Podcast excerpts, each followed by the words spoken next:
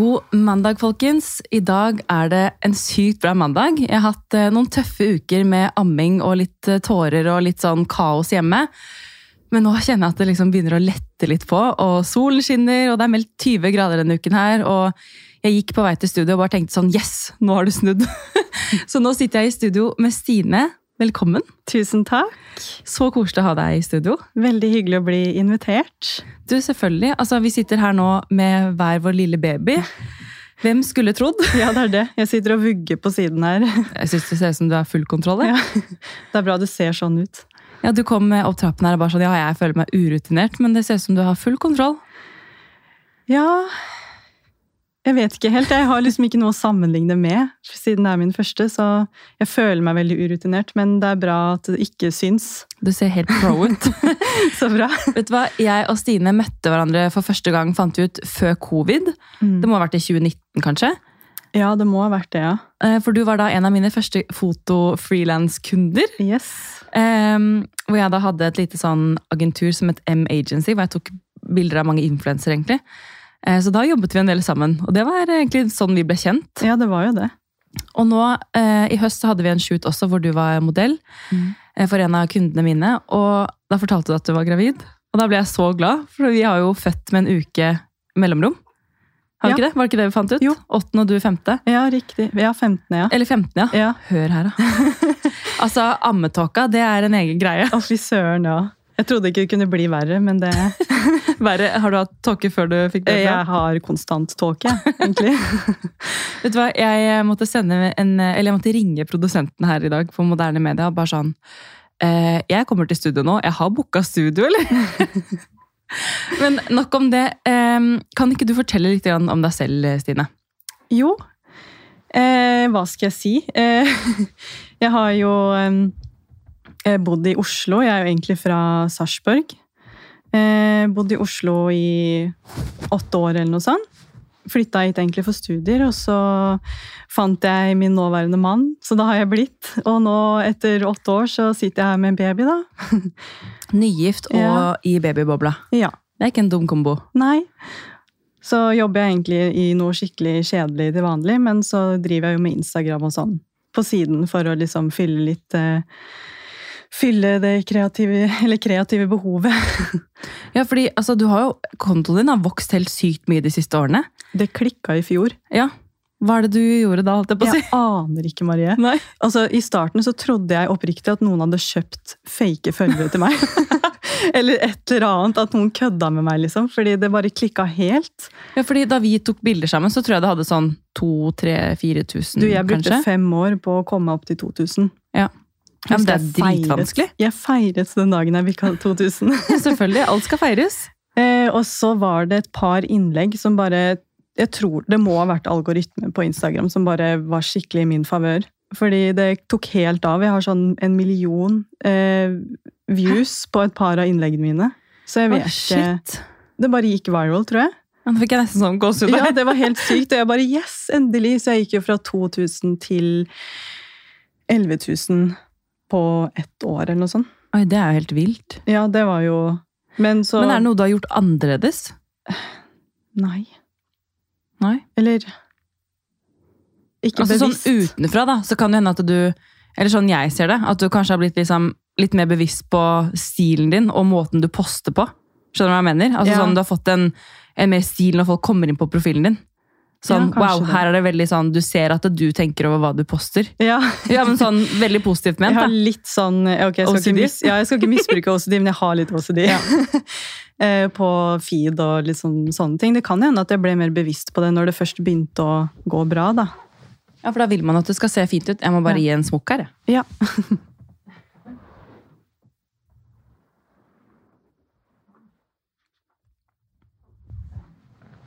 Jeg har fått en liten gulpebaby, så liksom, hver gang jeg putter inn smokken, så er det sånn Skal du spytte den ut, eller har du den nå? ja.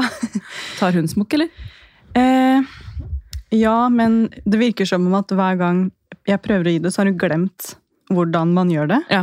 Så jeg bruker liksom fem-ti minutter hver gang på å liksom få den inn. ja. Men når hun først har den, så, så Har hun har hun den. Ja. Men, eh, men eh, altså, vi sitter her med to nyfødte, og Mm. sist gang vi så hverandre, så var du gravid, hadde ikke fortalt det til typ noen enda. Nei, jeg tror jeg var fem måneder.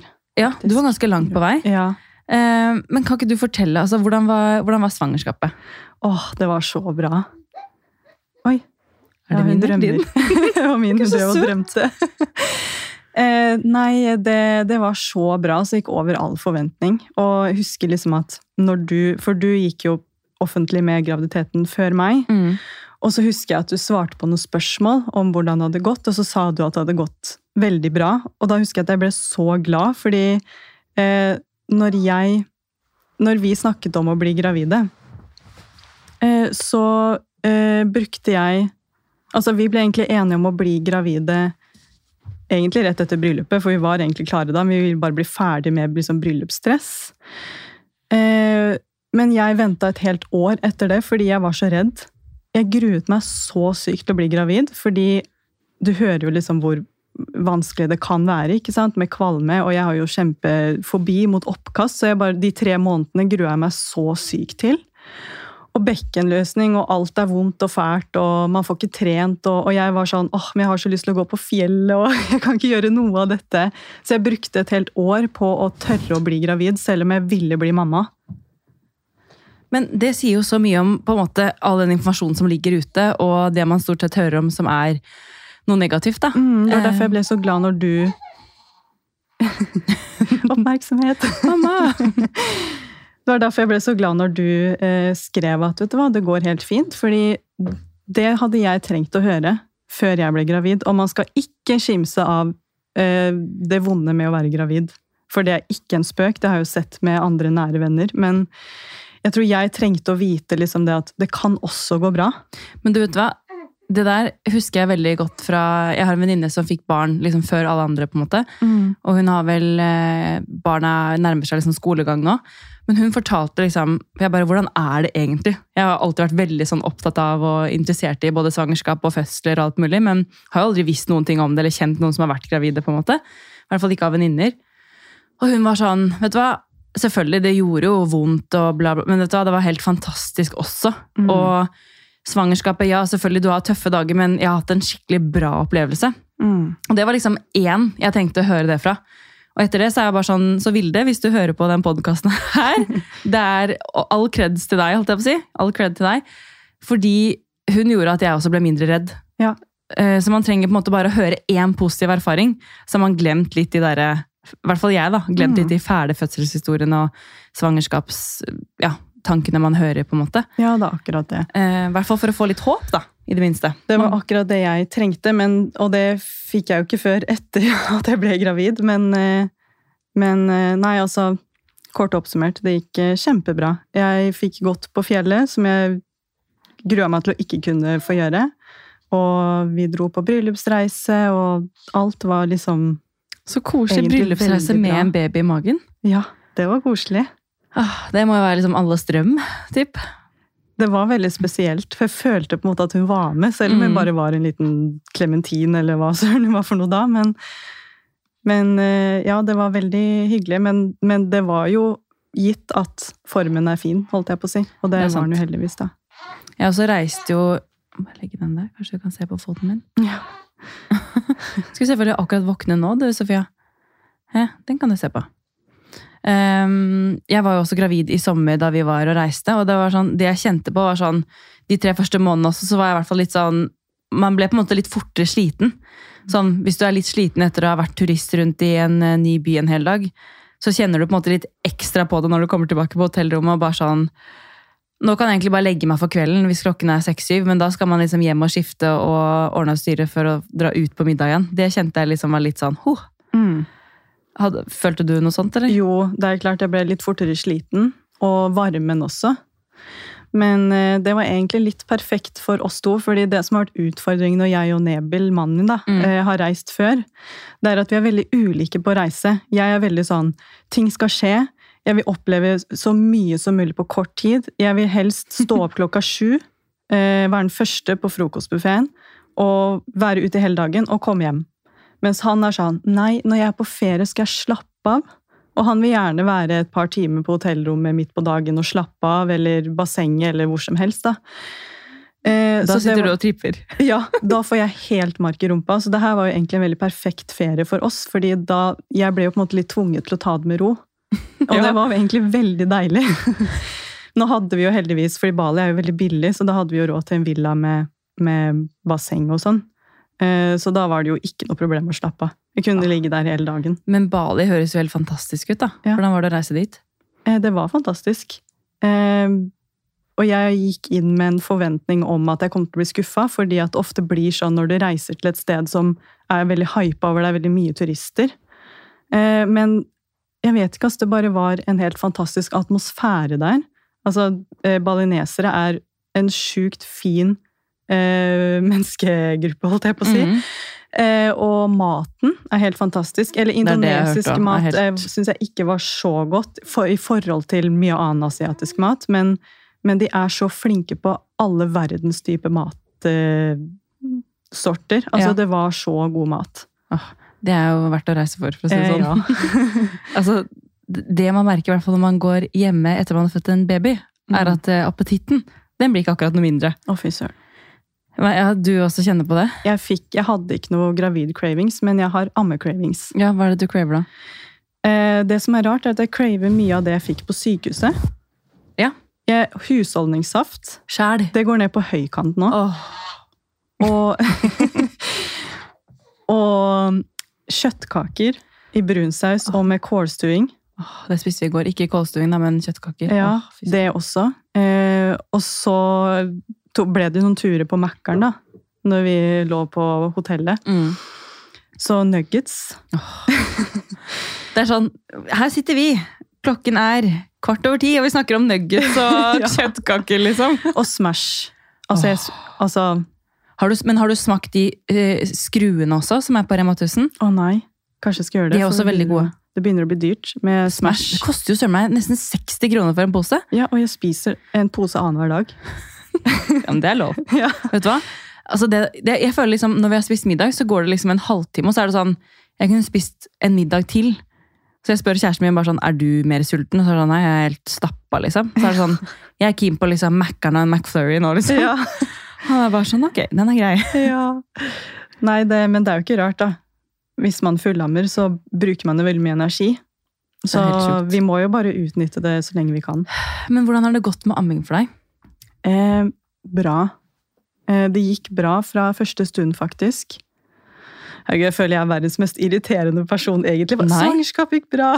amming går helt fint. Alt nei, altså, er bare nydelig. Man må jo bare fortelle det som det er, da. Ja, nei, men amming gikk bra. Eh, og det går fortsatt bra. Eh, men jeg syns det er slitsomt, ass. Mm. Syns, altså sånn, jeg ville på en måte ikke vært foruten, for jeg syns det er veldig koselig. Men jeg, jeg blir så sliten. Mm. Eh, og jeg sitter på en måte i det hjørnet i sofaen hele dagen, føler jeg. Og så er det litt den der, det stresset, for jeg syns det er litt kleint å dra fram puppen på kafé. Eh, så det blir liksom sånn Ok, vi kan dra på kafé, men da må vi ha en kafé som, hvor det er liksom litt intimt, hvor ikke det er så veldig åpent. Altså, det blir liksom så mye å ta hensyn til, så noen ganger skulle jeg ønske at liksom bare at jeg bare kunne dra fram en flaske. ass. Mm. Faktisk. Men har, ta, har, hun, har, du prøvd å gi henne en flaske hvis du har pumpa? Ja, men eh, utfordringen er at nå spiser hun så ofte at jeg rekker ikke å pumpe. pumpe mellom, nei. nei. Men etter hvert så håper jeg jo at, at jeg kan gjøre det. For da kan det hende at du liksom syns at det er litt mer digg når det er ute, da. Mm. Altså, jeg skjønner veldig godt hva du mener. Jeg har hatt litt sånn utfordringer med amming egentlig de siste ukene. Hvor hun eh, ikke har eh, Altså, det har blitt litt sånn ond sirkel. Fordi hun har litt refluks. Altså, hun gulper veldig lett. Mm. Så hver gang hun har spist litt, så må jeg, liksom, jeg må ta litt pauser og legge henne opp. Eh, så er det liksom ja, mye greier. Og så har hun liksom slitt litt med dårlig sugetak. Så jeg må liksom legge til og le Det er sånne ting jeg ikke hadde utfordringer med sist. Mm. Og det er litt sånn, som du sier, ja, amming går fint, og liksom Men det er faktisk noe helt annet for meg den gangen her enn sist gang. Ja. Jeg trodde det bare var å liksom Her er puppen, spis, liksom. Men sånn er det virkelig ikke den gangen her. Nå er det mye mer jobb, da. Eh, så jeg, det har også gjort at jeg har begynt å pumpe mer, sånn at jeg liksom vet at hun får i seg nok. Og bare det å pumpe også. Altså, i går så satt jeg bare Altså, jeg føler meg helt sånn Jeg føler at altså, bokstavelig talt at noe bare er sugd ut av meg. Og det er det jo, men at liksom jeg, bare, jeg har ikke noe energi. Jeg bare ligger her som en tom sekk. Men jeg, jeg hørte, og nå må vi være skikkelig kritiske, for jeg husker ikke hvor jeg leste det, men at man forbrenner 800 kalorier om dagen. Det er sant. Og det tilsvarer i hvert fall for meg to heavy treningsøkter Mm. hver dag. Det, jeg har også sett det. Jeg følger jo en sånn konto som jeg har tipset om meg før, med en eh, lege slash forsker eller noe. Han sier vel 750-800 kalorier, og at liksom en, at det kan sammenlignes med ja, løpe Ja. Ikke, ikke maraton, men altså, det er ikke langt unna. Det er mye mulig, det er samme kilde. Kan være. ja. Men eh, det er i hvert fall veldig godt å høre at det går fint, for det, er, Ja. det, det bruker mye tid på det. Ja. Og bare være fullamme uten å ha utfordringer i tillegg, så tar det ekstremt mye energi. Så det er sånn, det, man skal sette pris på det, ass. Mm. ja, jeg er veldig takknemlig. Det er jo Mhm. gratis mat. Og jeg, jeg blir så fascinert over kroppen. Tenk at liksom du kan være det fattigste mennesket i verden, men du kan gi barnet ditt mat. Fram til de ikke kan ta pupp lenger, da, selvfølgelig. Men sånn, jeg syns bare det i seg selv er så fint, da. Absolutt. Så jeg er veldig glad for at jeg kan det. Eh, samtidig som at eh, jeg kjenner også noen som har valgt selv eh, morsmelkerstatning, selv om de kan amme, og jeg forstår det 100 Jeg dømmer ikke, for å si det sånn. Vet du hva? Eh, Nikoline Amundsen var jo gjest her for ikke så veldig mange episoder siden. Og hun sa mamming før amming. Og det hadde jeg liksom aldri hørt om. Altså, sånn, altså Du skal ta vare på deg selv da, før du på en måte Og det er sånn som på en måte har hjulpet meg de siste ukene. bare sånn, ok, Jeg har virkelig liksom pumpet og kjempet for den ammingen, og nå har det heldigvis snudd litt. da. Det har vært Mm. liksom en Jeg har klart å snu det litt. Eh, men det ligger absolutt noe i det. At man må ta vare på seg selv før du skal men Man blir altså så sliten. Ja, ja, og babyen har det jo bedre hvis du har det bra, liker jeg å tro, da. Ja. Så Nei, de Smash-posene skal, skal jeg nyte med god samvittighet. Du, det er det- min mamming. Det, vet du hva? Det, det støtter jeg. Ja. Men hva, hva gjør du for å ta vare på deg selv nå, da, om dagene? Altså, Du sitter mye i stolen din, sier du, men altså sånn Altså, jeg setter pris på å bare vaske håret, Altså. Mm. Eller bare ta på neglelakk, mm, egentlig. Ehm, de få dagene jeg tar på meg sminke. Altså, det er bare sånne ting som jeg tok for gitt før, som bare er sånn, vet du hva, det er bare så Men syns du det er deilig, eller syns du det er litt sånn urettferdig at du på en måte er mer sånn låst til henne? på en måte? Jeg vet ikke helt. Eh, det er jo litt sånn ambivalent, da, fordi at du er veldig takknemlig når du sitter der og ammer og koser, ikke sant? Og så, men så er jeg også veldig takknemlig når Nebel bare holder henne i en times tid, eller passer på henne, og jeg bare Jeg tar en dusj Og bare kan liksom gjøre litt din greie? og gå på do Ja. når Ja. du vil. Sant? Tips hvis det er noen der som, ikke, som er gravide med første, og som ikke har hatt barn enda. Nyt at du kan gå på do akkurat når det passer deg. Når du kjenner at du må på do, nyt at du kan gå. Det er ikke tull engang, faktisk. Nei. Så det bare sånn Det er jo egentlig litt fint at eh, det, det lærer deg å sette pris på ting som man tar for gitt, da. Det er sant. Men eh, hvordan har det gått fra altså Vil du fortelle litt om fødselen din, egentlig? Ja, jeg kan det. Ja. Jeg må prøve å være så kortfatta som mulig. fordi når jeg Det- fortalte til, når jeg fortalte til venninnen min, så kan jeg sitte i to timer og bare fortelle alle mulige Ok, detaljer. men Vi har bare studio til Ja. men Det var det jeg tenkte, så jeg må bare korte ned. Eh, altså, hvordan startet den, på en måte? vannet gikk. Ja. Eh, og jeg var veldig overraska, egentlig, fordi at siden svangerskapet har gått så bra, så tenkte jeg at hun har det så fint inni magen, og kroppen min trives tydeligvis veldig med å være gravid, siden den ikke klager.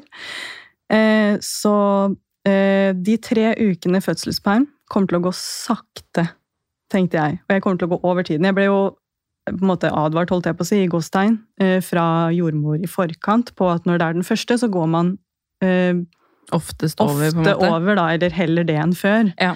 Eh, fordi kroppen bruker litt ekstra lang tid på å modnes, holdt jeg på å si, eller sånn, gjøre seg klar. Så jeg var sånn, ok, de tre ukene her. Jeg kjøpte maleutstyr. Jeg hadde tenkt til å vaske alle vinduene. Jeg hadde tenkt til å ta sånn deep clean på kjøkkenet. Jeg hadde, jeg hadde store planer for disse tre ukene, for hvordan jeg skulle få tiden til å gå fort. Så jeg gikk jo ut i mammaperm 9. februar, og Ja, det var en dag etter jeg fødte. Ja. Mm. Stemmer. Og 13. februar så gikk slimproppen. Så begynte jeg å få litt sånn mensensmerter. Men jeg googlet jo selvfølgelig det. Jeg visste jo ikke hva slimpropp var før en uke i forkant. Eh, og da sto det jo at Det kan bety alt fra én dag eller to-tre uker. Og da var jeg sånn, ja, men termin er jo om to og en halv uke, så det Passer fint, liksom. Ja. Eh, men så begynte jeg å få litt sånn mensenvondt, på en måte. Sånn, du vet, dagen før mensen. Når du bare kjenner at liksom, åh, nå skjer det det, liksom. snart. Ja, Mm. Det var liksom sånn. Um, så jeg begynte jo liksom å få litt sånn hm, Kanskje det skjer litt før? Eh, og 13. februar, tror jeg det var, eh, så fullførte jeg den positive fødsel-boka. By the way, den hjalp meg så mye med liksom sånn Jeg slet ikke så veldig med fødselsangst eller sånn, men, men jeg gruer meg jo, selvfølgelig. Eh, og den hjalp meg så mye. Den fikk meg til å glede meg til fødselen, Marie. Ja, men det er sykt bra. Jeg gleda meg. Jeg hadde store planer for liksom hvordan denne dagen skulle gå. Um, så den fullførte jeg 13. februar, og på en av de siste sidene så er det en sånn side som handler om uh, tips til partner. Og så satt, uh, Det var kveld, da, så satt vi i senga, og Nebel satt og så på fotballkamp. Og når han ser på fotballkamp, så er det liksom det er det eneste, det er det eneste viktige. Ja. Ikke sant? Så jeg bare Nebil, du burde virkelig lese den siden her. Han bare ja, jeg skal gjøre det snart. Jeg klikka. Skal jeg gjøre det nå? Ja, jeg bare Nebil, du vet aldri når den fødselen her kan skje. Det kan skje nå! Du må lese den med en gang! Mm. Sant? Bare sånn, ok. Og han bare ok, ja, jeg skal gjøre det. Han tør ikke å kødde med en høygravid dame. Nei. Morgenen etter, klokka fem på morgenen, gikk vannet. Altså, og da hadde han lest siden. Da hadde han lest siden, Det var det heldigvis. som skulle til, vet du. Ja. Så jeg, synes, jeg ble veldig overraska over det, faktisk. Fordi jeg tenkte at liksom, det kommer til å skje når, det kan skje når som helst. Det kan skje liksom helt uf... Altså at ikke du har noe peiling, holdt jeg på å si. Eller noe forvarsel. Liksom. Forvarsel, takk, det var det lette etter. Eh, så jeg ble veldig overraska over at jeg faktisk hadde en magefølelse. Og at det skjedde liksom bare timer senere. Det, men jeg også hadde det. Jeg var sånn Jeg hadde også termin Jeg tror jeg hadde termin 15. Nei, jo, 15. hadde jeg. Ja.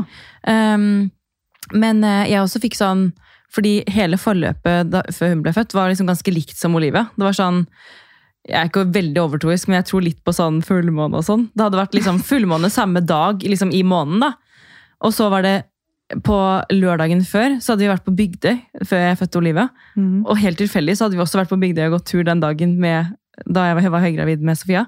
Så var jeg sånn Ok, det her er litt weird. Og jeg fødte jo på en tirsdag med Olivia. Så jeg var sånn, jeg skal føde på tirsdag. Jeg hadde bare liksom, Akkurat som jeg peilet inn liksom, kursen min på det.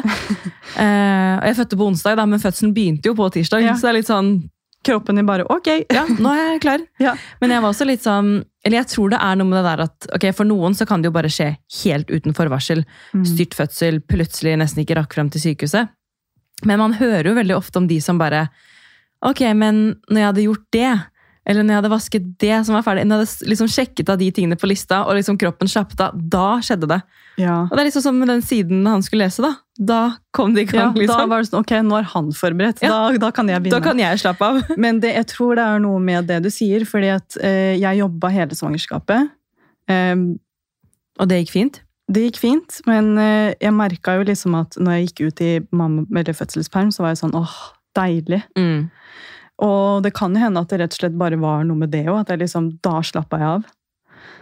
Så ja. Nei, så vannet gikk. Ja, vannet gikk. Ja. Eh, og da var det jo inn på kontroll, og da hadde jeg ikke begynt å få rier, men jeg hadde bare litt sånn vondt. Konstant, liksom. Så var de inne på kontroll da, halv to på ettermiddagen, og så Hvordan følte du det da? Altså sånn, da vannet gikk, var, Ble du stressa? Ble du redd? Nei, jeg ble dritglad. Ja. For jeg ante jo ikke hvor vondt det her skulle gjøre. ikke sant? Jeg var jo naiv. Så jeg bare åh, det her blir så koselig. Og liksom, jeg hadde jo akkurat lest den boka, og jeg var sånn, og det var Valentine's Day. Så jeg var sånn Å, vi skal spise biff i kveld. Jeg trodde vi skulle ha date hjemme, Marie. Jeg hadde planer om å liksom slappe av, og jeg bare sånn hm, Hvilken film skal jeg se på i kveld mens jeg venter på at Rine skal komme? Men jeg hadde jo liksom fått vite i forkant på fødselskurs at eh, når vannet går, så blir man satt i gang hvis ikke det skjer noe fordi at man er redd for infeksjon, ikke sant? Så, så det var jo liksom sånn Ok, om to dager senest så har jeg Har møtt du denne. babyen i armene dine, liksom? Så jeg var så glad. Jeg pakka resten av fødebagen og bare Altså, livet smilte, liksom. Og så dro vi på den kontrollen, da. Eh, og jeg var jo forberedt på å bli sendt hjem igjen Eh, men det ble jeg ikke, fordi hun hadde litt høy puls. Det var ikke farlig høyt, men det var såpass høyt at de ikke turte å sende meg hjem. Så jeg ble jo værende. Jeg var bare én centimeter da. Så, men jeg måtte bli. Og da husker jeg at jeg var litt sånn Ja, da gikk jo de planene i dass, da. Mm. Eh, da må jeg sitte her, da. Blir ikke noe biff i kveld, da. blir ikke noe biff. Det blir vel Fjordland eller noe, da. Ikke sant? Det er ikke den Valentine du hadde sett for deg. Ikke i det hele tatt. Men jeg er samtidig veldig glad for at de er nøye. Eh, Men jeg hadde faktisk altså Jeg tror mange liksom blir litt skuffa når de blir sendt hjem, fordi de vil være på trygt sted, men jeg gleda meg faktisk å bli sendt hjem. Eh, Så jeg ble litt skuffa, men samtidig bare takknemlig for at jeg blir tatt vare på. Eller at hun blir tatt vare på. Jeg hadde det jo helt fint. Det var jo Mm. hennes puls som var litt for høy. Ehm, Så ja, da gikk jo timene, da. Eh, Og så på kvelden da så måtte jo Nebel dra. Og det Altså Verden raste sammen. Og jeg husker liksom at eh, Din trygge havn, på en måte. Ja. Jeg visste fra før at Nebel betyr mye for meg. Men det var liksom sånn Det bare var så sykt da, at liksom du er i en omgivelse eller en situasjon hvor du føler deg trygg, og så fjerner du én ting, som da var han. Ikke en ting, men fjerner han. ja, fjerner han fra den situasjonen, og verden raste sammen. Jeg syns det var, var sånn Det var et eh, Hva skal jeg si Det var da jeg innså liksom Shit! Han betyr mye, ass. For Og de tror at de ikke har noe for seg på den fødselen. De føler at de er ubrukelige. Men det er det ikke. Nei, 100 eh, Så han måtte dra. Jeg var helt fra meg. Jeg gråt øynene mine ut. Stakkar. ja, det var skikkelig Men altså sånn Det endte bra, men det var bare sånn Det, det var um, Jeg var så redd. Jeg tenkte sånn Tenk om det skjer noe? Tenk om man ikke rekker Altså, vi bor på Bjørndal. Dette var Ullevål. Det tar liksom en halvtimes tid hver vei. Um, så jeg var skikkelig stressa. Um, pluss at riene begynte å komme, så jeg begynte å få liksom Du begynte å kjenne det litt? Begynte å liksom. kjenne det. Ehm, og så eh, fikk jeg en sånn heavy sovepillekombo som de gir til folk som er operert. Bare for at jeg skulle få sove, fordi jeg var jo som sagt en, kanskje jeg hadde blitt to centimeter her, da. Eh, så det lenge igjen. Mm. Eh, så jeg fikk en sånn for at jeg skulle få sove noen timer. Fordi fødselen skjedde, kommer jo ikke til å skje før dagen etter uansett. Marie, jeg var høy. Jeg var så fjern. Jeg var helt fjern, og jeg sovna tolv. Så ble jeg vekt klokka ett. Oh, shit. For de hadde jo observert alt, ikke sant? Ja. Og sittet og sett på en skjerm i et annet rom. Så hun ringte meg, og det her sa hun kjempefort. Og jeg, bare ha i hodet, jeg var, jeg var fjern. Mm. Jeg var helt fjern. Eh, hun bare Ja, vi ser nå at eh, hver gang du får en ri, så går hennes puls ned. Og det kan vi ikke forklare, så vi må sjekke hvor åpen du er. Og hvis ikke du er fire centimeter, så blir det keisersnitt. Og jeg bare Vent, da. Hæ? Du bare Drømmer jeg nå, Ja. eller hva? Ja, jeg bare Hva er klokka egentlig? Altså, hva heter jeg, liksom? Ja. Jeg var helt fjern. Um, Shit. men jeg var heldigvis fire centimeter. Ja. Så da slapp jeg det. Mm. Så da var det jo rett på fødestua, og da fikk jo Nebel komme tilbake. Det var litt av en wake-up call. Ja, Og så én time søvn med den sovepillekomboen, liksom. Én time søvn. Ja, jeg, jeg sovna jo tolv, og de vekte meg klokka ett. Å, jeg trodde du mente tolv på kvelden! Ja, Og så sov du til ett på dagen? Nei, nei, Nei. så tolv på natta Ja. til ett på natta. Det var derfor jeg var så fjern. Nå Fordi den var jo Jeg hang den, ikke med på den. Nei, Nå betal ikke jeg, det er lov. Da er det ikke så rart. Nei, jeg var helt uh, borte vekk. Så kom jo han da, og så husker jeg egentlig ikke så veldig mye sånn Han hadde så vidt rukket å parkere bilen hjemme, så måtte han kjøre, kjøre tilbake. Så all den gråtingen var jo egentlig litt sånn forgjeves, da, fordi det ble jo bare et par timer fra hverandre. Hell i uhell. Ja. Men eh, eh, etter det så var det jo på en måte bare å ligge og vente. Og jeg klarte meg ganske lenge på pusting, faktisk, med riene. Mm. Og så syns jeg ikke det var så skummelt, fordi det, for meg Jeg vet at folk opplever rier litt forskjellig, men for meg så var det som sterke mensensmerter. Det minte meg om ungdomstidene. Sånn før du begynte på p-piller og sånn, Mm. hvor mensensmerter var ganske intense. Ja. Det var sånn. Eh, og det følte ikke jeg var skummelt, for det er en smerte jeg er vant til å håndtere. ikke sant? Mm.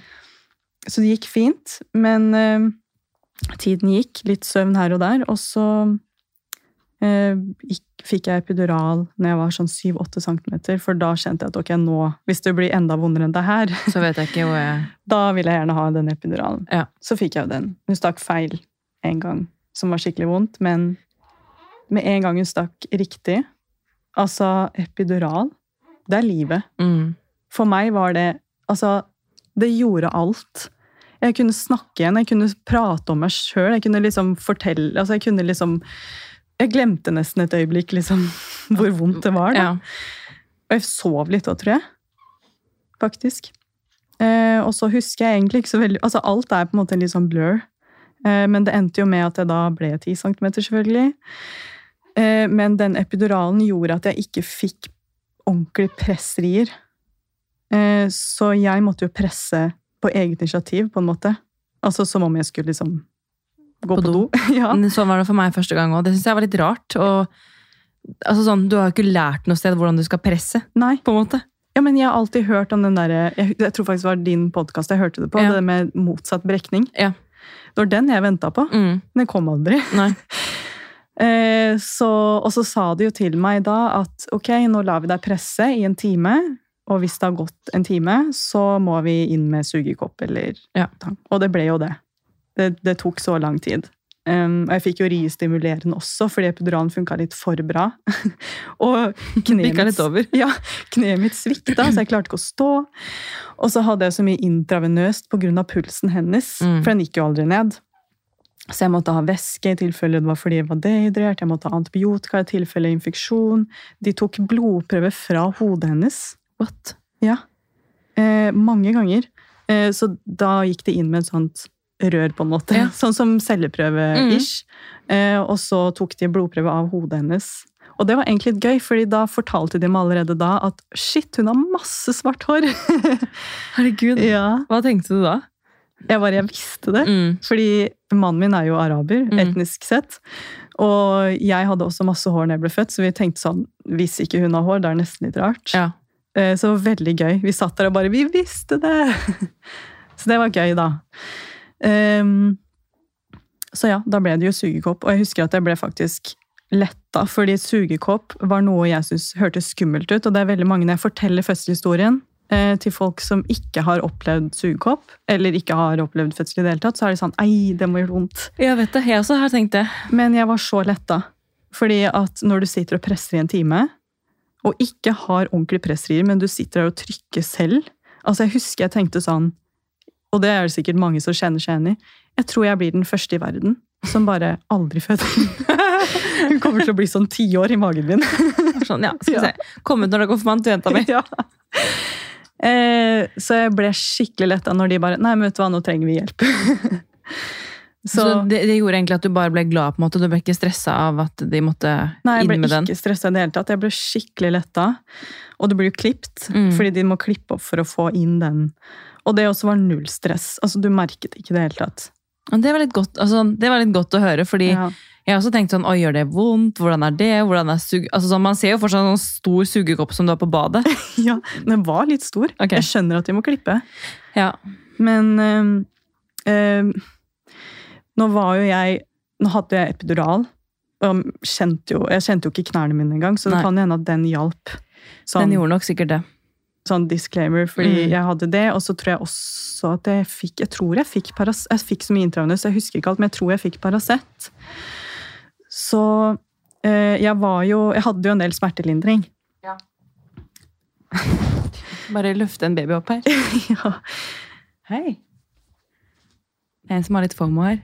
ja. Skal være med. Skal fortelle hun nå. Du forteller din Ja. fødselshistorie òg, kanskje? Hvordan var det? Hvordan var det fra andre siden? Ja. Men eh, den følelsen når hun kom på brystet, er ikke det noe helt sjukt? Ja, det, det er litt lei meg for at jeg kanskje aldri skal oppleve det igjen. Ja. Det er litt sånn Jeg håper jeg får oppleve det igjen. Ja. Det var, eh, det var helt sjukt. Eh, Og det er første gangen jeg har opplevd sånn Du vet, på film, når eh, noen zoomer ut, så hører du bare sånn at lyden rundt blir blurry. Ja, Det er første gang jeg har opplevd det på ekte. in real life, ja. Ja. Så da var liksom alt glemt. Mm. Det, er- men det er sykt. Det alle sier at liksom når, Det er jo derfor man føder igjen. Fordi man på en måte Man glemmer den smerten Mm. når man får gevinsten, da. Men det tok et par uker før jeg sa ok, dette kan jeg gjøre igjen. Ja. For det gjorde ganske vondt etterpå i stingen og sånn.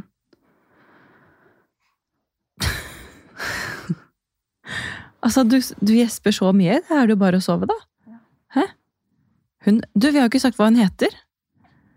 Eh, min? Ja. Eller din? Ja. Din? ja, min heter Nord. Det er så fint navn. Takk, jeg også syns det er skikkelig fint. Hvordan, eh, hvordan fant dere ut det?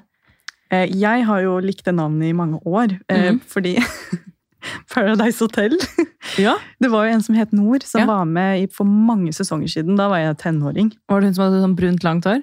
Hun var i hvert fall dritpen, Ja, veldig flott. og er det sikkert fortsatt. Men jeg husker bare at Nord, åh, det var fint navn. Skulle ønske at det liksom, altså sånn, For da visste jo ikke jeg at jeg kommer til å gifte meg med en som er etnisk araber. Mm -mm. Ikke sant? Eh, så jeg husker jeg tenkte sånn, åh, det var fint. Hadde jeg vært, eh, eller hadde jeg liksom fått et eh, barn med gener fra et arabisk land, eller noe sånt, Mm. så hadde jeg garantert kalt henne det. Men jeg visste jo ikke at det kom til å skje i virkeligheten. Ja, fordi hvor er navnet fra? Det er jo et arabisk navn. Ja, det er det. Eller jeg tror det også blir brukt i Tyrkia og, og Pakistan, altså i andre land som ikke er arabisk også. Mm. Eh, men Sorry, hun bare ligger og smiler. Det er sånn, ja, ja. Mamma har på seg sånne rare høreklokker. Ja. Men jeg hadde aldri hørt, eller jeg har hørt det på Paradise, men jeg hadde liksom ikke tenkt på det navnet Nei. etter det. Det er sykt fint. Så det er faktisk jeg som ville ha det. Mm. Og det tok litt tid. Vi, Sof vi var inne på Sofia også. Mm. Sofia og Sara, og Mm. mye sånn navn som, som funker på liksom Alle språk. alle språk. Eh, men så fikk jeg overtalt han til Nord. Ja, sykt fint. Takk. Det er rart hvor man liksom, når man har en fiks idé, om det er navn eller hva det er, så er det akkurat som man bare sånn, det her, det skal gjennom. Ja. Du har ikke noe valg. Koste hva det vil. Ja. Men hvordan synes du det er nå, altså, gikk det fint på sykehus også da, etter at hun ble født sånn på barsel og... Var det noe som på en måte overrasket deg over den tiden etterpå? Ja. Eh, jeg hadde ikke forberedt meg noe til barsel. Jeg hadde bare lest en bok og fokusert på fødsel. Jeg. Mm. Jeg hadde, jeg hadde liksom, Fødsel var det eneste som var i hodet mitt. Eh, Jeg tenkte ikke på barseltiden eller noe sånt. Sy, altså det psykiske. Ingenting hadde jeg forberedt meg på. Så det var eh, Det var en reality check. Og det er sånn, man snakker jo liksom om Altså først og fremst eh, Jeg klarte ikke å tisse etter fødsel. Og det tror jeg kanskje var pga. epiduralen. Jeg er litt usikker, men jeg hadde ikke noe kontakt med liksom blæra i det hele tatt. Eh, Så jeg måtte tømmes med kateter mange ganger om dagen. Og da måtte jeg jo bli på barselavdelingen. Da måtte jo Nebel dra igjen. Og det var mye verre. Mm. Eh, For da Altså, jeg kan ingenting om babyer. Jeg kunne ingenting. Jeg har en venninne som fødte i november. Og han er det første og eneste, så vidt jeg kan huske, barnet, eller spedbarnet som jeg har båret. Mm. Jeg ante ikke hvordan man skulle bære henne. Skifte bleie har jeg, vært, har jeg, ikke, jeg har ikke sett noen skifte bleie engang. Eh, og amming, det er jo tema i seg selv. Mm. Eh, så det syns jeg var enda tøffere, at han måtte dra da. Og det tror jeg han også syntes var tøft. Faktisk. For en ting er jo på en måte å se deg, men han drar jo også fra sin baby, da. Altså sånn, Ja, det måtte Georg også på øh, første fødselen. ja. Det er jo Det- største som har skjedd i livet ditt, ikke sant? Helt forferdelig. Og han hadde jo liksom sittet Han var jo med under hele fødselen og holdt meg i hånda. ikke sant? Og han syntes jo det var tøft i seg selv å på en måte se meg i de smertene. Eh, fordi at Jeg har jo aldri vært på sykehus. Han har aldri sett meg I en ha sånn vondt Nei. på den måten. Så bare det å liksom dra fra meg og henne, det var liksom dobbelt opp, da. Altså, jeg burde nok kanskje ha, ha med flere menn i den podkasten som kan fortelle litt fra andre siden òg. Ja. For det er nok øh, Det er nok ikke like ille sånn smertemessig, Nei. men og på en måte syk, på psykisk plan, da, å Mm. se den du elsker ligge og ha det så vondt, ja. det var helt forferdelig. Du kan Det ikke gjøre må noen ting. Nei, altså du får ikke gjort noe annet. Han satt liksom og strøk meg på korsryggen. Det hjalp faktisk masse. Ja. Men, men, eh, men altså, hva mer skal man gjøre, liksom? Kom igjen, du klarer det! Ja, ja, Det er jo en skikkelig heie- heiagjeng, da. Ja. Nei, så det var enda tøffere. Eh, Og det slet jeg faktisk med når jeg kom hjem. Eh, Det når kvelden kom, og det begynte å bli mørkt, og det liksom minte meg veldig om at han måtte dra. Jeg fikk så panikk. Altså, jeg, var sånn, jeg følte at Nebel skulle dra fra meg hver kveld. Altså, jeg gråt hver kveld i to uker. Eh, og Ah. jeg vet ikke om det er Altså, jeg er jo ikke noen psykolog, men jeg tror kanskje at det var litt sånn traumer fra at han måtte dra. Mm. Eh, Det høres jo sånn ut. for det var en veldig sånn ensomhetsfølelse. At jeg følte meg veldig alene. Og at jeg syntes det var veldig skummelt. Så, så det Altså, barsel er ikke, det er ikke spøk. Og Men jeg, jeg kjenner meg veldig igjen i det der med dra fra. mm, For sånn hadde jeg det med Olivia også, for han hadde også dratt fra meg på barsel. Eh, eller dratt fra meg, han måtte dra hjem. ja. Men jeg hadde veldig den derre Jeg er redd for at du skal eh, dumpe meg. Oh, ja. Typ. Eller sånn, jeg er redd for at du skal gå fra meg. Mm. Sånn, Sånn for alltid, liksom. ja, sånn bli borte. Mm. Fordi man, eh, man merker jo så sykt altså sånn, Ja, man sitter jo der med amming. Det er mye man gjør som på en måte bare vi mødre kan gjøre. Så de blir jo på en måte litt sånn tilsidesatt av naturlige årsaker. på en måte. Mm. At det er veldig mye mor i starten, spesielt hvis man fullammer. Men jeg husker jeg var bare sånn Jeg var så redd for at han skulle dra fra meg hele tiden. liksom. Mm. Det må jo være et eller annet instinkt, det òg, da. At man Ja. liksom Det fucker med hodet ditt, faktisk. Ja. Med alle hormonene og Og jeg, var, jeg tok liksom sånn som barseltårer og fødselsdepresjon. Jeg vet ikke om jeg skal kalle det depresjon, for jeg vil ikke misbruke det. Men, eh, men det var nok på en måte en litt sånn påbegynnelse, som heldigvis gikk over. Eh, raskere enn det det kan gjøre, da. Men jeg tenkte at liksom Jeg har ikke hatt eh, jeg har ikke hatt så veldig mye psykiske plager i oppveksten eller i mitt hittil voksenliv. Um, så dette går nok fint, tenkte jeg i forkant. mm. Det, det er noe av det mest naive jeg har tenkt. Ja, men altså, Man vet jo ikke hva man går til, da, så hva skal man tenke? på en måte? Nei, og er det én ting du ikke kødder med, så er det hormoner. Ja. Så det overrasker det, Jeg tror kanskje det er det som tok meg mest på senga, da. eh, Med barsel. Mm. At liksom det er tøft for hvem. Det kan, det kan felle hvem den sterkeste personen i verden. ikke sant? Uansett om du anser deg selv som sterk psykisk, så Eller at du har vært heldig med å ikke ha psykiske plager, da blir det Mm. riktig å si. Mm. Og eh, Nei, det var eh, Det er de to tøffeste ukene, eller to-tre tøffeste ukene i livet mitt, faktisk. Men hvordan syns du det går nå, da, sammenlignet med da? Mye bedre. For nå har jeg på en måte kommet meg litt ut av den nedstemte bobla, på en måte. Mm. Men det, det kommer liksom litt igjen. I går, faktisk, var tøft. Eh, Da skulle vi egentlig spise middag hos svigers, men vi måtte bare droppe alt. Eh, Fordi jeg bare satt der og grein, liksom. Mm. Eh, Men Hva da det som skjedde da, hvis du vil prate om det? Jeg vet ikke. For det er, det er liksom noe med det. Det er det som skiller det fra alle andre tøffe perioder jeg har hatt i livet før. Da, måte, da var det på en måte en årsak. Men nå er det mer sånn Jeg vet ikke, jeg bare er lei meg, liksom. Mm. Og, men det har nok noe med søvn å gjøre òg. Fordi natt til i går var ganske tøff. Natt til i dag var en drøm.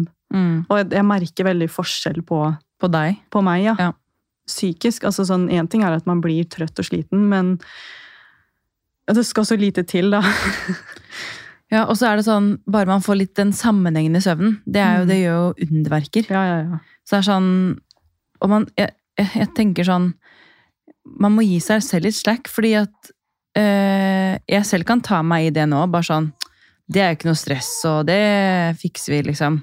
Men så er det sånn Det er jo kanskje ikke så rart at man på en måte er litt ute av deg selv. Du har liksom akkurat født, det er mye hormoner, det er mye liksom Mm.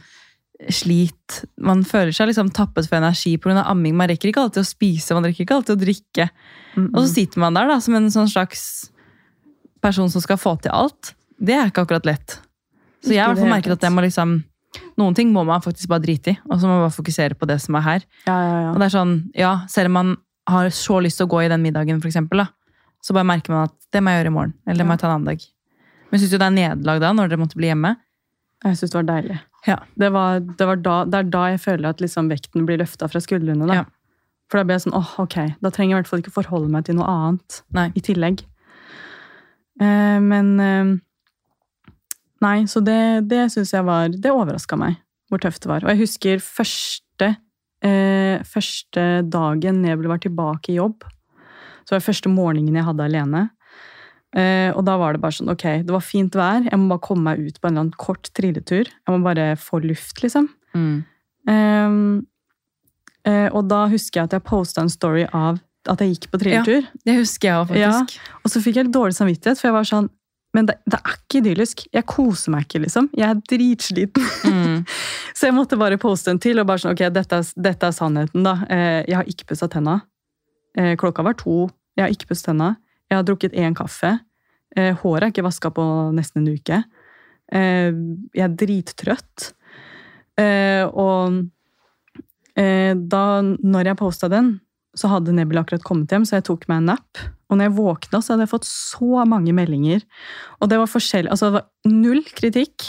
Det var, var ingen som sa noe som helst kritisk. Eh, det var mange som sa 'tro meg, det blir bedre'. Det blir lettere. Og det satte jeg så stor pris på. Eh, og så var det også veldig mange som bare 'takk skal du ha' mm. for ærligheten. Eh, og så fikk jeg også noen historier om folk som har virkelig slitt, da.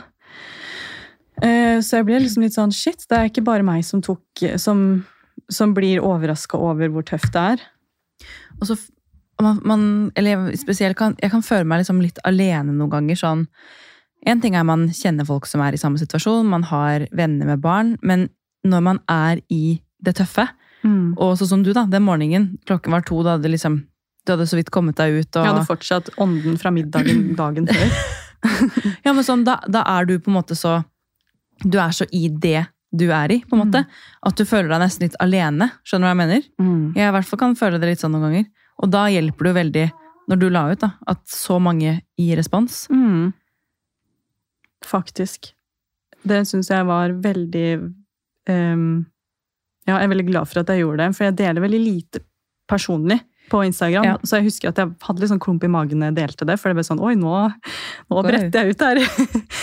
Men uh, det er jeg veldig glad for at jeg gjorde. Og for rest, altså shout-out til partnere i den situasjonen også. Altså sånn, Nebel var, Nebel var så flink. Altså han, han var bare sånn Hver kveld når jeg begynte å gråte, så satt han bare sånn Ok, Stine, fortell. Hva føler du? Mm. Og jeg fortalte det samme. Hver dag. I to uker. Hver kveld fortalte jeg han samme greie. Men hva er det du følte da? Nei, Det var liksom det jeg var inne på i stad, at liksom, jeg bare føler meg ensom. Liksom. Jeg føler at du, jeg vil ikke at du skal dra på butikken engang, selv om du skal kjøpe Smash. Fordi Fordi jeg bare får noia. noia altså, jeg får liksom litt sånn panikk. Og jeg følte et veldig press. Jeg hadde kjempedårlig samvittighet, fordi eh, hun er det første barnebarnet på begge sider. Um, og jeg hadde liksom gledet meg så mye til å liksom dra på besøk, få besøk, vise henne fram. Og jeg hadde så dårlig samvittighet for at jeg ikke orka å dra til svigers, liksom. Eller til mamma. Eh, og at jeg, synd, jeg hadde kjempedårlig samvittighet, fordi du vil jo altså sånn, Det er barnebarnet deres. ikke sant? Det eneste du vil, er bare å Se hva jeg har lagd, liksom.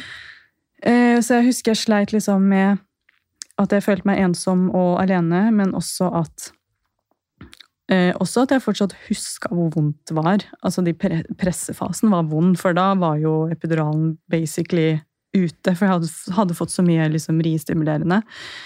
Eh, så det var liksom smerter, for jeg hadde jo fortsatt vondt, liksom. Eh, som minte meg om de smertene. Eh, pluss at jeg følte meg ensom, som sagt. Og pluss at jeg hadde dårlig samvittighet og følte at jeg liksom Jeg følte et press som egentlig bare Det var egentlig bare jeg som la det press på meg selv. At jeg burde komme meg ut, jeg burde vise det fram, jeg burde liksom dra på besøk, eller ta imot besøk, fordi til og med det syns jeg var litt tøft. Men hvorfor tror du du følte på det? Altså at ok, du må orke disse tingene, liksom? Du har akkurat født. Jeg vet ikke. Men jeg tror jeg liksom har følt det veldig på at liksom andre rundt gleda seg sånn til å se henne. og mm. Og det er jo sykt hyggelig mm. at man har folk rundt seg som har lyst til å se babyen din. ikke sant? Mm. Men så er det jo egentlig ingen som vet hvordan du har det. Nei. Og da er det litt sånn Ja. Det er Også vanskelig bare, å si nei, kanskje. Ja, og det her er litt flaut å si, men jeg husker jeg skamma meg litt for at jeg hadde det tøft. Mm. Og det syns jeg er så dust, fordi når andre nære venner av meg har det tøft, så, så dømmer jeg dem ikke ett sekund. ikke sant? Det er sånn det, altså, Man viser jo bare forståelse for det. Eh, men når det var meg selv, så følte jeg meg flau. Jeg husker det tok, jeg tok, det tok en god uke før jeg sa det til mamma. At liksom Jeg syns faktisk det er skikkelig tøft. Jeg kjenner meg godt igjen. Ja. Spesielt det med det jeg sa i stad med dette ammegreiene. Jeg la jo også ut et bilde forrige uke mm. hvor jeg gråt. Og jeg har hatt en periode nå på et par uker rundt fra påske egentlig til nå, hvor jeg liksom jeg har grått hver dag. Mm. Fordi hver amming har bare vært en kamp, liksom. Jeg kommer til å prate mer om det her senere, men jeg har bare kjent at jeg trenger å komme meg litt på andre siden. Fordi jeg har nesten ikke klart å prate om det uten å knekke sammen. Nei. Ja, men nå har jeg kommet liksom litt på andre siden. Jeg kjenner liksom tårene presse på når jeg snakker om det, men jeg kjenner meg veldig godt igjen. Fordi øh, man øh, Ja. øh, Det er liksom bare deg selv som setter de tankene og forventningene til deg selv. Det er sånn som Georg sier. Marie, du gjør alt riktig. Du har fått bekreftet på helsestasjonen, Folk har sett på ammeteknikken din. Det, du kan ikke gjøre noe annerledes. Vi har bare hatt en liksom litt ond sirkel. Det går over, har jo på en måte alle sagt til meg. da. Men det eneste jeg har sagt til meg selv, er du gir ikke babyen din nok melk. Og det er litt sånn, Jeg vet jo at jeg gjør mitt beste. Jeg vet jo at jeg er en bra mamma for mine barn. Men det er så sykt når du står i det, fordi du Det er så mye irrasjonelt som, av tanker som kommer, og det er sikkert hormoner også, da, som gjør at man bare er så hard med seg selv. Mm. Og så vil man bare få det til, og så klarer man ikke alltid. Og så blir man litt sånn ja, Det blir en litt sånn indre konflikt, det òg. Det blir det. Og så føler jeg at uansett hvor mange ganger man får høre at det blir bedre eh, vi, altså, Nebel også sa veldig ofte det til meg i, de, i starten. sånn men Stine, vi, vi skifter bleien, Mm. hun får mat. altså det Mm. går, altså sånn, Vi gjør jo alt riktig. Hvorfor er du Hva er det, liksom? Ja. Ja.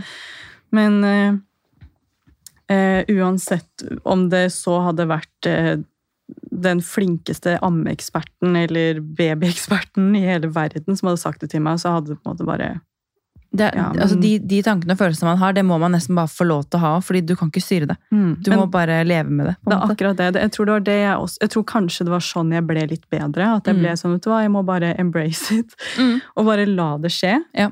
Og så må jeg bare stole på at Du gjør det beste for noe. Ja.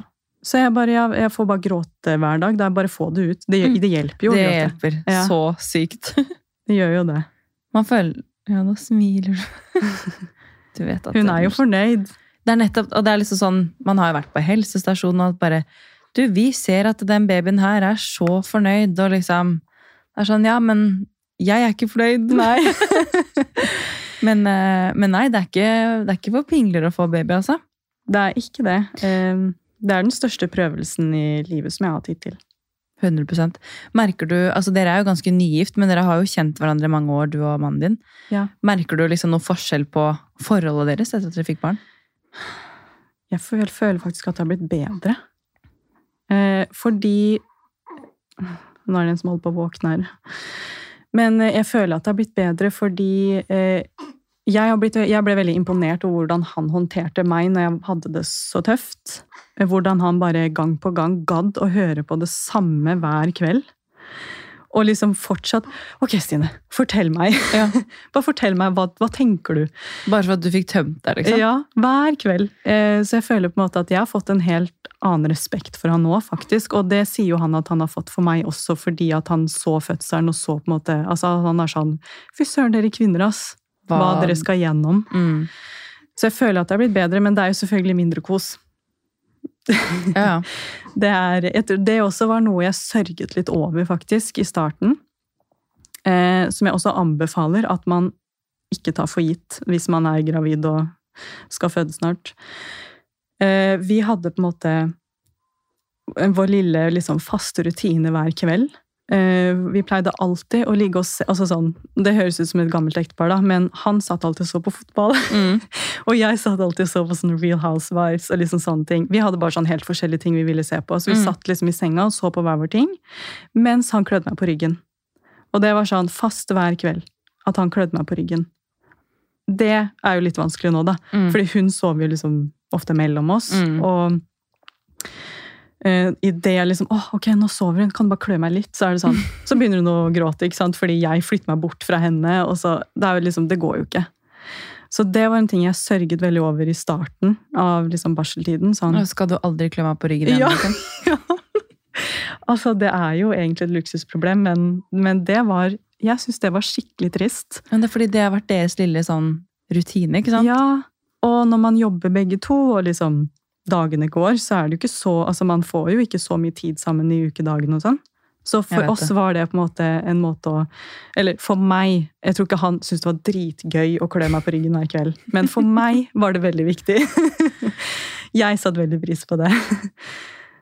Men det er liksom, man må på en måte, når det kommer en ny som alle sier, en ny sjef inn i familien, så må man på en måte finne nye måter å møte hverandre på som par òg. Det er sånn Ok, det er ikke liksom like mye action, kanskje. Mm. Um, nå er det jo fortsatt ganske ferskt, liksom, men man må på en måte finne andre måter å ha den nærheten på. da. Fordi jeg i hvert fall kan kjenne litt sånn Ok, jeg har en snart treåring som liksom Hun skal ha sin nærhet, og så skal hun her ha sin nærhet.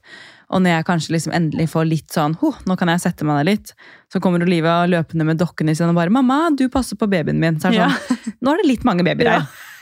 Og det er litt sånn, så merker jeg liksom noen kvelder at Georg på en måte legger seg på fanget mitt. Og det er sånn, Han også vil jo ha nærhet. Alle vil jo ha nærhet, på en måte. Det liksom, man må Alle vil ha Marie. alle, alle vil ha meg!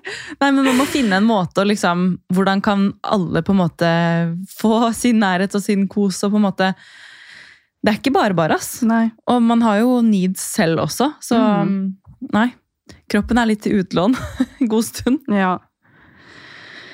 Men jeg tenkte at, eh, for vi har jo jeg har egentlig litt sånn implementert litt sånn lyttespørsmål i praten her nå. Mm. Men noe vi ikke har pratet om, så vi må få bare ta på tampen her nå, for nå har vi jo snart skravlet en time her. Um, det var flere som spurte om um, tips til hvordan man kan implementere begge foreldrenes kultur i barnets liv, og hvordan det er å oppdra barn med en som er fra en annen kultur enn deg selv. Mm. Har du noen liksom, tanker eller følelser rundt det som du har lyst til å dele? Ja. Eh, altså først og fremst, det viktigste er jo kommunikasjon. Og jeg tror også at man må snakke om det tidlig. Altså sånn, Vi snakket om det før vi forlovet oss. Eh, hva som er viktig. Altså fordi at eh, Det er jo også forskjellige måter å oppdra på i forskjellige kulturer. ikke sant? Og ofte så er det noe som er veldig viktig for deg, og så er det andre ting som man godt kan la gå. Så vi snakket eh, allerede før vi forlovet oss om eh, hva jeg syns er viktig, eh, og hva han syns er viktig. Og så fant vi egentlig allerede da en plan på hvordan vi skal få det til. Um, og nå har jo vi bare vært foreldre i to måneder, så bank i bordet. Men det har jo liksom funket ganske bra for oss da, at vi hele tiden vet om hverandres forventninger. Og så er det veldig viktig å være åpen. Eh, man kan, altså sånn, Det er gi og ta. Eh, det, er, det er ting som er veldig viktig for han, som, som jeg på en måte har vært sånn Ok, eh, det er ikke en hjertesak for meg, så da, da kan vi godt gjøre det på den måten. Mm. Og motsatt. Begge Så dere har rett og slett møtt hverandre litt på halvveien også, ved at dere har vært åpne og pratet om det? Mm, vi må det. Og så var det litt sånn før vi på en måte Fordi jeg, altså, bryllup er dyrt, ass. Jeg gidder ikke å gifte meg og så finne ut etterpå at å ja, vi er jo helt forskjellige, vi, Mm. på det her. Så det var veldig, jeg synes det var veldig nyttig for oss, og det føltes veldig trygt for meg da å gå inn i et ekteskap. Eh, og kjøpe hus. altså Det er jo masse forpliktelser for Mm. barn. Mm. Eh, og vite at ok, vi har en plan, Mm. på en måte. Og så gjenstår det bare å se om vi klarer å følge den planen, da, og det håper jeg jo at vi klarer, og det tror jeg. Men jeg tror også det er eh, Det handler ikke bare om å lage en plan i forkant, men at man husker på å fortsette å være åpen, og fortsette å kommunisere underveis. Og sikkert eh, altså sånn Ja, som du snakket om, forventninger. Altså at man At du forteller hva du forventer, på en måte, og går inn med, og samme med han. da. Fordi Mm. hvis Sånn er det jo egentlig med alle forhold, og uavhengig av kultur. Men om, om Georg sitter og tenker at vi skal gjøre det på den måten, og jeg tenker at vi skal gjøre det på en helt, helt annen måte, da blir det jo en konflikt hvis vi ikke prater om det. Man Ja, ja. må jo møtes på halvveien. Det, altså, det gjelder jo uansett. Det kan jo være at man har blitt oppdratt på helt forskjellige måter. Det er sant. Men vet du hva? Vi må faktisk runde av episodene, for nå er det noen som skal inn i studio. Ja. Men eh, vet du hva, Stine, det var så hyggelig å ha deg i studio i dag. Det var veldig hyggelig å være her. Og hvis noen ønsker å komme i kontakt med deg, eller har spørsmål, eller vil eh, sende deg en melding, hvordan kan de nå deg? Eh, Det er bare å skrive til meg på Instagram. Jeg sitter på Instagram 24-7. Hver gang jeg ammer, så sitter jeg der. Så bare, bare skriv hvis det er noe Da er det Stine Spørsmål. Skogsrud. Ja, Da kan de tekste deg, da, vet du. Det er bare å. Hagler det inn. Ja. Nei, men Tusen takk for at du kom, og ha en fortsatt fin mandag til dere som hører på. Ha det!